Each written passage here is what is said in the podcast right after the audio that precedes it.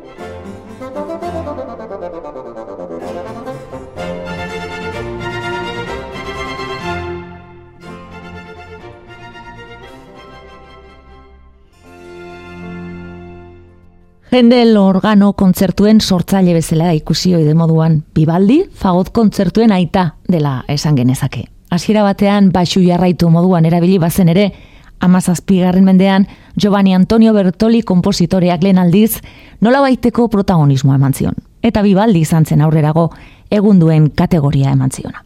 Hala, RV lareunda laurogeita zortzi zenbakidun fagot kontzertuaren alegro entzun dugu Gustavo Núñez, Uruguaitarrari esker. Klasikoak eiteben.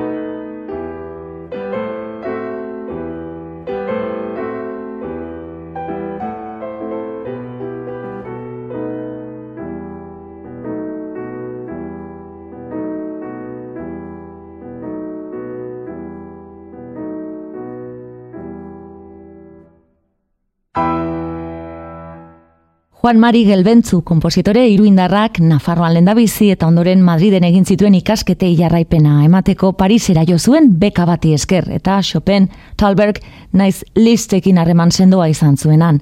Mamita izeneko bere abanera entzun dugu, mila zortzireun da irurogeita amarrekoa. Klasikoak eite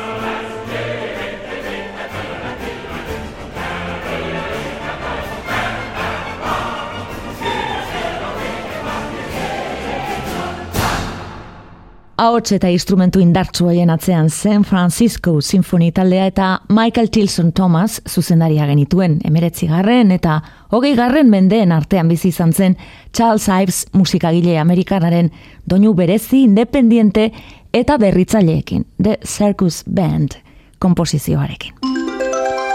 Klasikoak eiteben. Hemen zortzi garren mendeko Alemaniara begira jarriko gara. Johann Abraham Peter Schultz kompositorearen lanari erreparatzeko. Peters Brilup operaren pasarte polit bat entzuteko.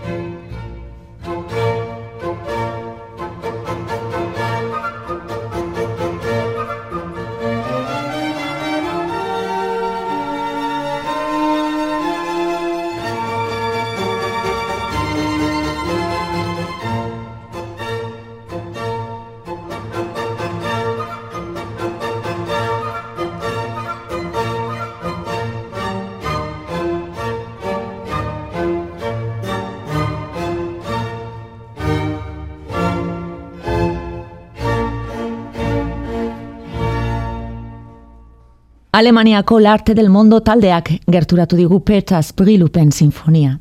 Johann Abraham Peter Schultz, kompositorearen operak erakarrita gaurko saioak, emezortzigarren mendera eraman gaitu orengoan, baina gure garaiko musikara gerturatuko gara. Bela Bartok eta Zoltan Koda iren inguru marian, bazen, haiek bezain ezaguna izatea lortu ezarren, aipatu beharreko beste kompositore ungariar bat. Erne Dog Nani, bako peliaren balsarekin egin zuen moldaketa da, jarraian entzungo duguna.